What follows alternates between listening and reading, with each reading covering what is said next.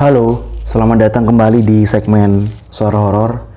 Di podcast gue kali ini gue bakal ngangkat satu tweet dari Twitter. Sebenarnya gue mau ngucapin terima kasih buat Mbak Upil Sky at Ayuning Tias PR karena udah ngizinin gue buat ngebacain tweet yang dia bikin. Tweet ini tuh bakal panjang banget ketimbang tweet-tweet yang gue bacain sebelumnya. Jadi gue mikirnya gini, gue bikin tweet ini per part aja gitu ya, 30 menit, 30 menit gitu nggak tahu sampai berapa jam ntar gue baca karena gue belum baca ini dan dan ini pun gue pertama kali bacanya. Oke langsung aja. Teror 45 hari saat KKN A horror threat.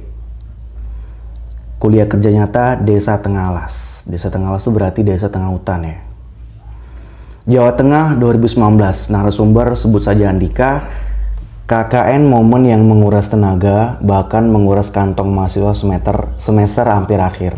Mengabdi kepada masyarakat, membuat program kerja atau proker untuk sedikit mengedukasi dan memberikan secuil kenangan di mana pun aku pernah hidup bersama teman-temanku di desa itu. Hidup bersama teman dan dihadapkan dengan warga sekitar yang sebagian besar belum bisa menerima pengaruh dari luar, belum lagi masalah mindset orang-orang yang tentang mahasiswa KKN adalah sumber uang. Ketika datang ke sebuah desa, langsung dibantai dengan harga listrik, harga air, dan makanan yang sangat tinggi. Meminta dibuatkan ini itu untuk menunjang warga sekitar dan perpisahan KKN yang mewah, uang dari mana? Aku sebagai mahasiswa saja yang meminta uang orang tua, jajan di burjoan kopi satu untuk tiga orang dan kalau puasa mencari takjil di masjid. Tragis memang jika mendapatkan dusun yang seperti itu. Tapi di sisi lain aku juga mendapatkan keluarga baru, taman KKN yang menjadi keluarga, bapak atau ibu pemilik rumah yang kami jadikan posko KKN dan warga sekitar. Itulah keluargaku, keluarga baruku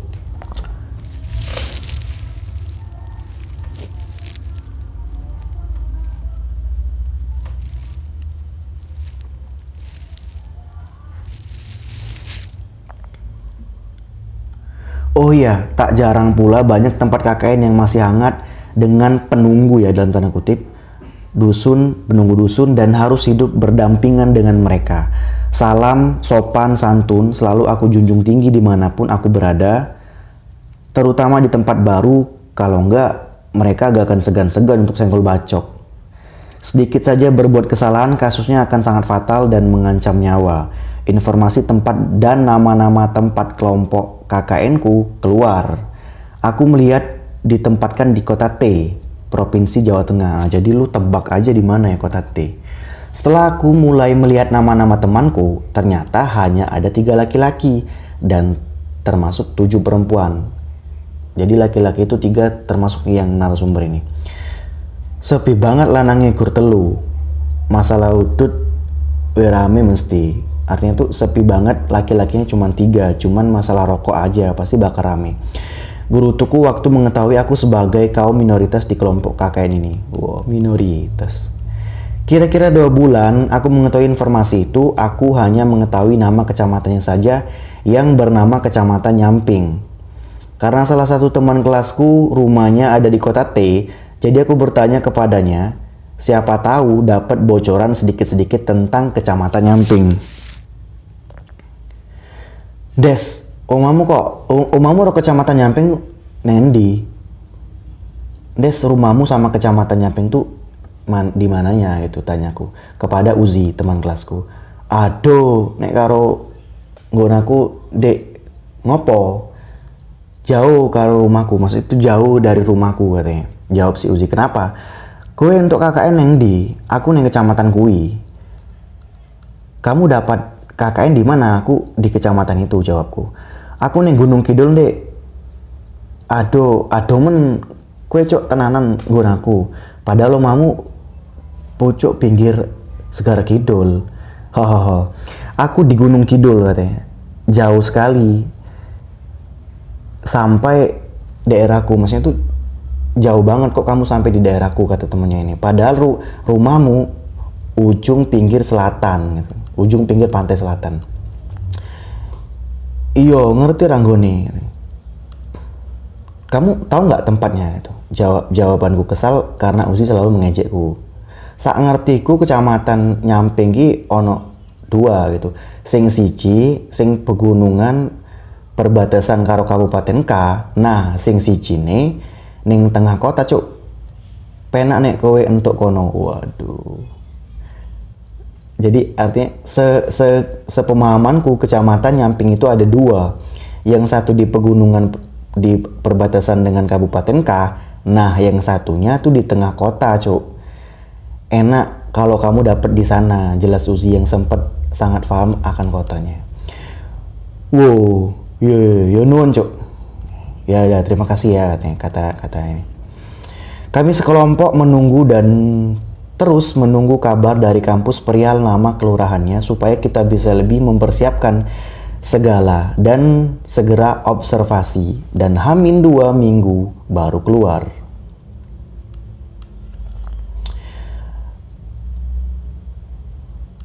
Shit, kelompokku dipindah dipindah ke kecamatan yang lain. Semula kami di kecamatan Nyamping dan sekarang di kecamatan Timang, tetapi tetap belum ada nama kelurahan atau desanya. Jadi si do KKN ora iki? Sebenarnya ini jadi KKN enggak gitu kan. Ucapku karena saking kesalnya dengan pihak kampus. Perkenalkan, nama kelompok kami adalah KKN 69. Wah, wow, 69. Kenapa 69? Dengan nama anggota aku, Andika, Malik, Ivan, Rika, Astimia, Tia, Etia, Iva, Laras, dan Putri. Setelah berdiskusi dan kami memutuskan di hari Senin observasi, aku tidak bisa ikut karena ada acara lain. Jadi Rika dan Malik observasi. Hari H observasi, alhamdulillahnya nama kelurahan sudah keluar yaitu Kelurahan Teko. Sialnya ketika temanku observasi malah salah, salah tempat yang diobservasi adalah kelurahan yang dekat dengan lereng Gunung Es. Lu tebak aja gunung es gunung apa itu. Inisialnya S. Nama kelurahannya sama tetapi kecamatannya berbeda. Kentir. Padahal mereka sudah bertemu dengan bapak lurahnya. Ini cerita dari Rika yang ikut observasi waktu itu. Selamat siang Pak, boleh kami meminta waktunya sebentar? Kami dari Universitas Cinta Damai. Wow, Universitas Cinta Damai di mana? ingin mengadakan observasi berkaitan dengan mata kuliah kami, KKN di desa ini. Kata Malik yang selaku ketua kelompok. Karena dia orang Sunda, jadi hanya bisa bahasa Jawa sedikit-sedikit. Maka dari itu dia menggunakan bahasa Indonesia ketika berbicara takut salah katanya. Siang, iya boleh, KKN, KKN di desa ini Kok saya belum mendapat surat langsung dari kampus Anda ya mas? Jawab Pak Lurah heran. Iya Pak, maaf sebelumnya ini kami ke sini juga tidak membawa surat. Soalnya dari kampus juga belum turun dan kami langsung menginformasikan kepada Bapak untuk lebih jelasnya. Jelas sih Malik. Sebentar, sebentar, sebentar mas. Selama ini jarang ada KKN di sini mas. Apa benar di sini? Pertanyaan Pak Lurah yang menaruh curiga. Iya Pak, di Kecamatan Timang, Kelurahan Teko, di sini kan tempatnya, Malik menjelaskan. Nah ini mas, Anda salah kecamatan. Di sini memang kelurahan Teko, tapi kecamatan Subal. Sahut Pak Lurah, aduh maaf ya Pak, kami salah. Kami yang kurang teliti membaca alamatnya, jawab si Malik. Setelah percakapan itu, teman-temanku mencari lagi kecamatan Timang dan memang nyasar nggak tanggung-tanggung. Hampir dua jam jaraknya dengan kecamatan yang seharusnya Wow, lumayan jauh ya, dua jam. Kata Rika, kecamatan Subal masih sangat singup. Pohon-pohon yang tinggi dan jalan yang masih sangat sepi. Untung tidak jadi di sini, kata Rika sambil senyum tipis. Akhirnya mereka sampai di kecamatan Timang dan bertemu dengan Bapak Camat dan langsung diarahkan menuju ke lurahan.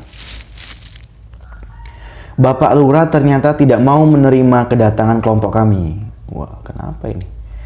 karena tidak ada surat pemberitahuan dan ada sedikit perbincangan antara Pak Camat dan Pak Lurah dengan peran serta Pak Camat akhirnya kami bisa diterima oleh Pak Lurah.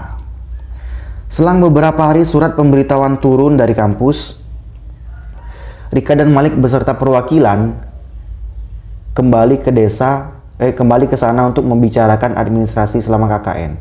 Sehari dipatok harga 20.000. Makan tiga kali listrik dan tempat. Jujur kami semua agak kesal karena dari kampus apa-apa serba mendadak.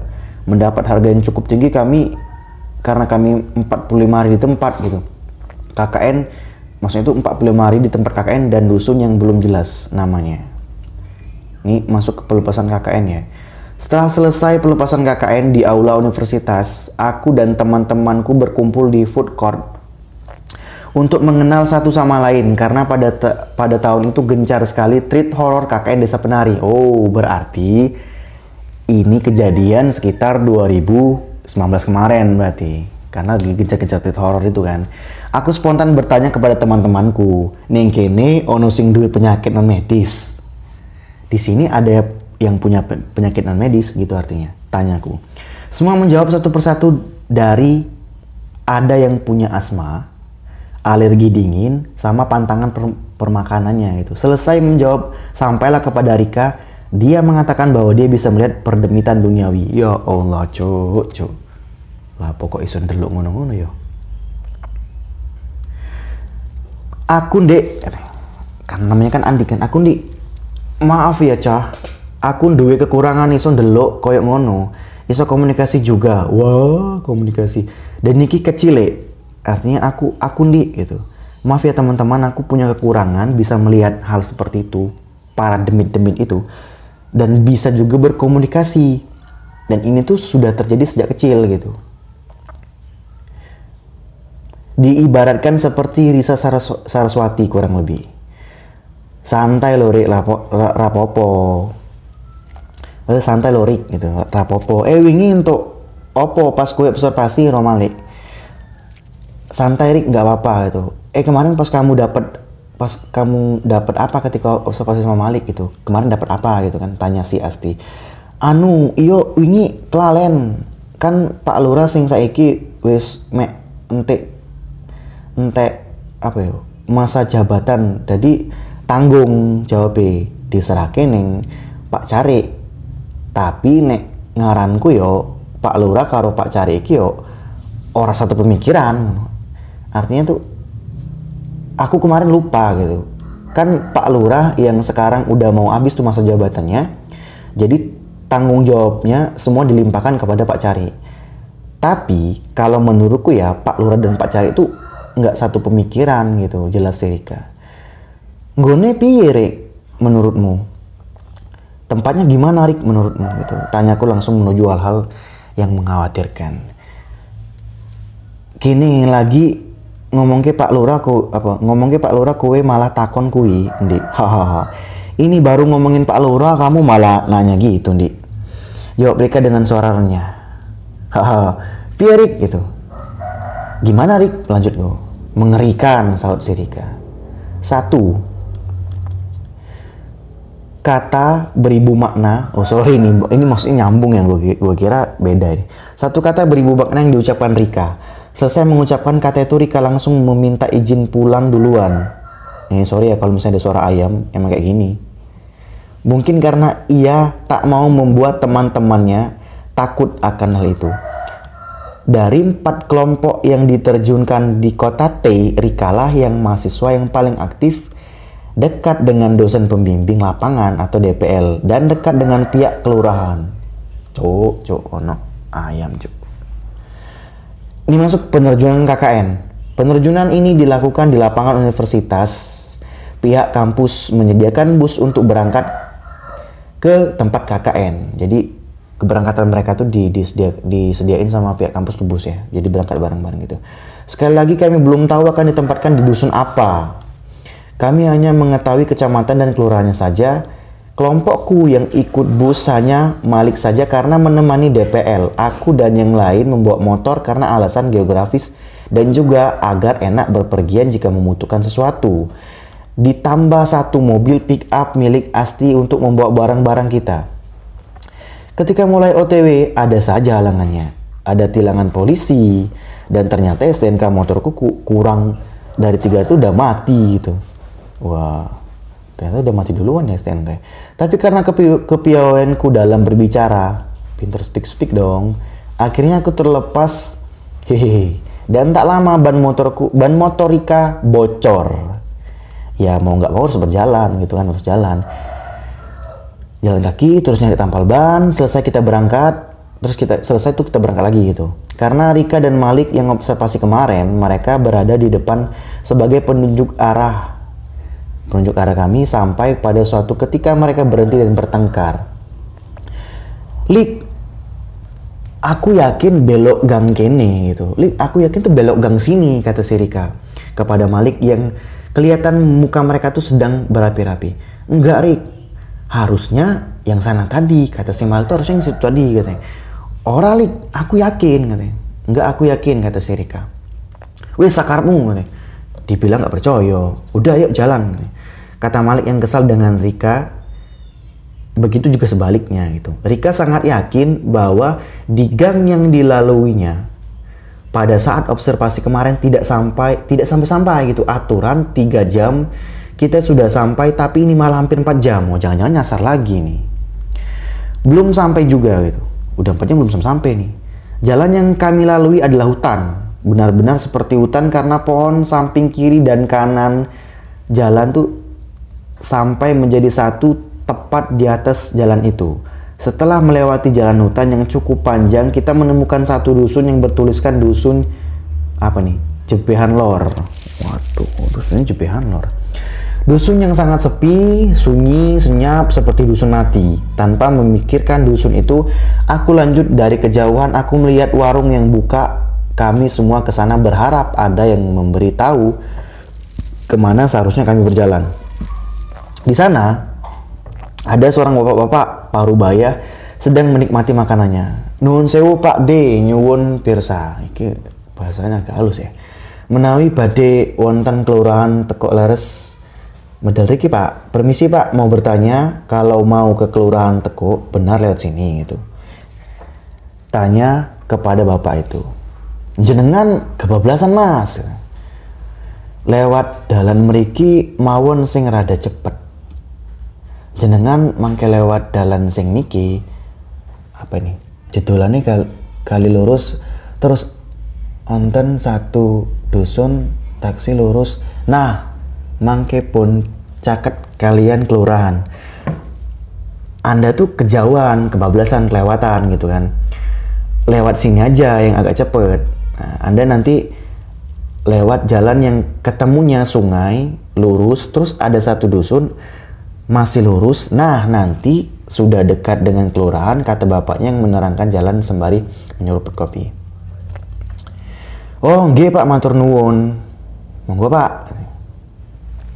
Oh iya Pak, terima kasih. Mari Pak. Kataku sambil meninggalkan warung itu. Aku sampai berpikir apakah itu warung beneran, warung maksudnya itu apakah itu warung beneran atau warung halusinasi gitu. Karena jarang sekali terlihat orang di sini.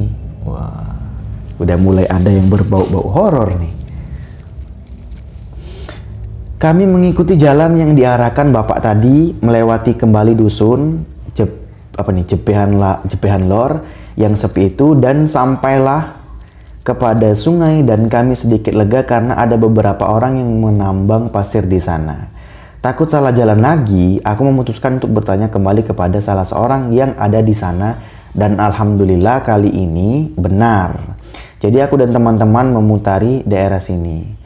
Sial, kurang lebih satu jam perjalanan menuju kelurahan dan sampailah pada kelurahan Timang.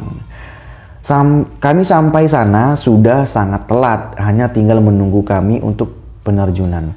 Namun dusun yang akan digunakan untuk KKN adalah dusun Jebehan Kidul, dusun Ceplok, dusun Ron Ronce, dusun Melati, dan dusun Semboja. KKN ku mendapat di dusun Jebehan Kidul. Jebehan apa Jebahan gue gue nggak tahu ya. Dan kami sekelompok langsung diserahkan kepada Pak Bayan. Pak Bayan adalah sebutan kepala dusun di wilayah tersebut. Biasanya kita menyebutnya Pak Duku. Nah, kalau di sini Pak Bayan. Setelah selesai upacara penerjunan, kelompokku kena marah dosen Ya wajar dosennya marah karena kita telat hampir satu setengah jam. Pak Bayan langsung mengajak kita ke rumahnya untuk membicarakan tentang posko KKN dan hal, lain halnya. Dan lain halnya. Sampai di rumah Pak Bayan, ternyata rumah beliau tidak cukup jika dihuni 10 anak KKN. Pak Bayan sudah menyiapkan tempat tinggal lain. Jadi anak KKN dibagi menjadi dua kelompok. Posko pertama dihuni empat orang yaitu Tia, Iva, Laras, Putih yang bertempat di rumah Pak Bayan. Sedangkan posko kedua berada di rumah Pak Bambang. Ada enam orang tuh yaitu aku, Malik, Ivan, Rika, Mia, dan Asti. Kenapa di rumah Pak Bambang? Karena Pak Bambang dulunya adalah mantan bayan. Oh, oke. Okay. Jadi paling tidak tahulah situasi anak-anak KKN. Kehidupan anak KKN seperti apa. Kami berenam diantar Pak Bayan ke rumah Pak Bambang. Di sana kami bertemu Pak Bambang dan Bu Bambang. Iyalah, Pak Bambang, Bu Bambang ya. Gambaran rumah Pak Bambang adalah sebuah rumah yang sudah bertembok tetapi ubinya masih mester hitam dan jika diinjak sangat dingin. Wah. Pak Bambang mempunyai dua anak, yang satu sudah menikah dan punya anak lalu tinggal bersama suaminya, sedangkan anak yang satunya lagi bekerja di Kalimantan sehingga Pak Bambang hanya tinggal berdua dengan istrinya di rumah itu. Oh ya, Pak Bambang bekerja menjadi kaur di kelurahan. Tekuk, di Kelurahan Tekuk ya. Rumahnya berbentuk persegi dan ada terasnya. Teras menghadap ke jalan yang lumayan menurun. Samping rumah ada garasi yang pintunya terbuat dari kayu. Penampakan dari luar rumah kurang lebih seperti itu. Jadi penampakan di luar tuh kayak yang tadi lah ya, lu bisa bayangin lah ya. Masuk ada ruang tamu, maju sedikit di sebelah kiri ada kamar anaknya yang di Kalimantan, maksudnya kamar anak yang Kalimantan itu, menjadi kamar untukku dan dua temanku, si Malik dan Ivan. Jadi bertiga ya. Di kamar itu ada ruangan yang cukup luas sehingga kami jadi jadikan tempat untuk evaluasi atau rapat kecil. Nah, di sampingnya, di samping ruangan itu ada pintu yang kalau dibuka bisa melihat samping rumah. Maju sedikit di sebelah kanan ada kamarnya Pak Bambang, terus masuk lagi menuju ruang TV. Dekat ruang TV itu ada kamar anak pertamanya Pak Bambang yang dijadikan tempat tidur perempuan dan masuk lagi sudah dapur. Dapurnya tuh masih dapur zaman dulu yang kalau masak masih pakai kayu bakar gitu. Sebelum memakai kompor melainkan memakai tungku. Jadi masih masih tradisional banget ya. Bisa dibayangkan tembok dan langit-langit berwarna pekat kehitaman karena kepulan asap setiap hari. Mau seterang apa pun lampu yang diberikan tetap saja dapur itu gelap. Karena asap yang menjadi satu dengan tembok. Di dapur ada satu kamar lagi untuk menyimpan gas, beras, dan perkakas lainnya dan itu sangat-sangat gelap. Di dekat dapur ada pintu ke samping menuju kamar mandi di rumah ini tuh kamar mandi ada dua, sebut saja kamar mandi satu dan kamar mandi dua. Di depan kamar mandi satu ada sumur yang tua yang sudah ditutup. Lalu ada satu pintu lagi yang mengarah keluar tepat di belakang rumah dan bisa melihat ke kandang sapi. Aku KKN neng tengah alas tenan nih. Paling selamat Gusti gitu. Wah, dia udah ketakutan nih. Aku KKN di tengah hutan katanya. Berikan keselamatan ya Tuhan gitu. Ucap si Andi ini dalam hati. Mobil Asti datang dan kami semua menurunkan barang-barang bawaan. Sembari kami menurunkan barang-barang aku melihat Pak Bayan dan Pak Bambang mengobrol sangat serius karena diraut mukanya seperti tidak santai. Ah mungkin ngobrolnya tentang kampungnya pikirku kan. Selesai nih selesai menurutku selesai menurunkan semua barang dan sudah siap kami istirahat, di sinilah dimulai teror selama 45 hari. Dan di rumah Pak Bambang. Yang mendapatkan teror hanya kami di rumah Pak Bambang saja. Waduh. Sedangkan di rumah Pak Bayan, anak KKN baik-baik saja. Belum terpecahkan sampai saat ini. Oh, berarti emang emang mereka aja yang yang yang ini yang berenam ini yang kena teror. Kenapa alasannya? Hari pertama aku dan semua teman-temanku berkeliling melihat-lihat dusun Jebian Kidul ini kira-kira bisa membuat proker apa karena memang masih sangat meraba gitu. Tahu dusunnya aja baru pas penerjunan ya jadi serba dadakan gitu. Sampai pada sebuah jalan yang sangat jelek dan tidak ada petunjuk arah akan sampai ke mana jalan itu. Kami menunggu sejenak siapa tahu ada orang yang lewat untuk mendapatkan informasi sekalian serawung supaya kami dikenal masyarakat sekitar. Jalannya koyo kali ya secuk gitu. Jalannya seperti sungai kering gitu. Kata Ivan pada kami. Hmm, cangkemen ro cangkemen ratoto. Orang onongku Ivan gitu itu mulutnya tuh dikondisikan gitu kan. Jangan kayak gitu Van. Kata kata siapa ini? Ini kata doang ini. Kata sambil menempuk bibirnya Ivan gitu. Wis lah yo melaku aja gitu. Rono wong Iwan yang gini gitu. Timbang nyasar nih ngalas ya udah yuk jalan aja gitu. Nggak ada orang juga di sini daripada kita tuh nyasar di hutan gitu kata si Asti kami meneruskan perjalanan untuk keliling-keliling dan menemukan lagi jalan, tapi kali ini tidak begitu jelek. Jalan ini menuju san, eh, Sendang, ya, sumber air itu Sendang ya. Kita ke Sendang itu dan lagi-lagi tidak ada orang di sana sampai mataku melihat jalan menuju alas. Jalan setapak yang sudah rusak mengarah ke alas. Rini yo, ono jalur iki sopo ngerti tekan jalan rusak kayak mau gitu ben observasi ini awake dhewe rasio sio tuh lek tekan ini sini yuk.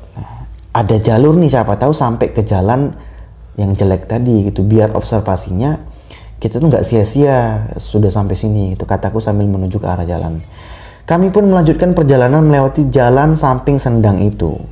Pemandangan yang disuguhkan adalah pohon-pohon besar yang sangat banyak sehingga matahari saja sulit menemukan tanah Berarti udah udah lebat banget ya. Hawa dingin yang selalu mengitari kita dan suara binatang yang masih sangat khas menambah pesona dusun ini. Kami berjalan sekitar 15 menitan dan Ivan berkata, Caca, dewi kesasar yo. Kakak kesasar koyok KKN desa penari ya. Teman-teman, jangan-jangan kita tuh kesasar kayak KKN desa penari gitu celetuk Ivan cangkemmu iki lho Van troco tenane waton nek omongan gitu.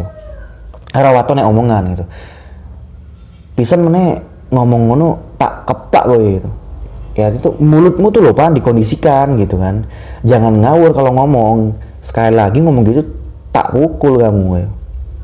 tak keplak gue Ujarku karena gergetan sekali mendengar Ivan selalu parno seperti itu. Mungkin udah tersugis ya di otak dia. Kayak mungkin dia ini udah baca kakeknya sepenari kali si Ivan ini. Jangan nggak mau kok jangan ngawur sih. Iya nih.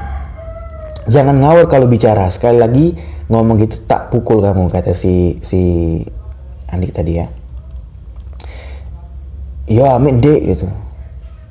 Karapku kurkuyon gitu. Iya maaf dik gitu kan. Aku tuh cuman pengen bercanda gitu. Jawab Ivan yang sok melihat apa yang shock melihatku tiba-tiba marah karena mendengar ucapannya kuyonmu lah lucu cok wes yo ayo melaku nih itu. Nek lima menit awe dewi nemu oma opo uang langsung puter balik. Bercandamu tuh nggak lucu katanya. Nyok nyet gitu kan udah yuk jalan lagi. Kalau lima menit kita nggak nemu rumah atau ketemu sama orang langsung putar balik kata si Andi.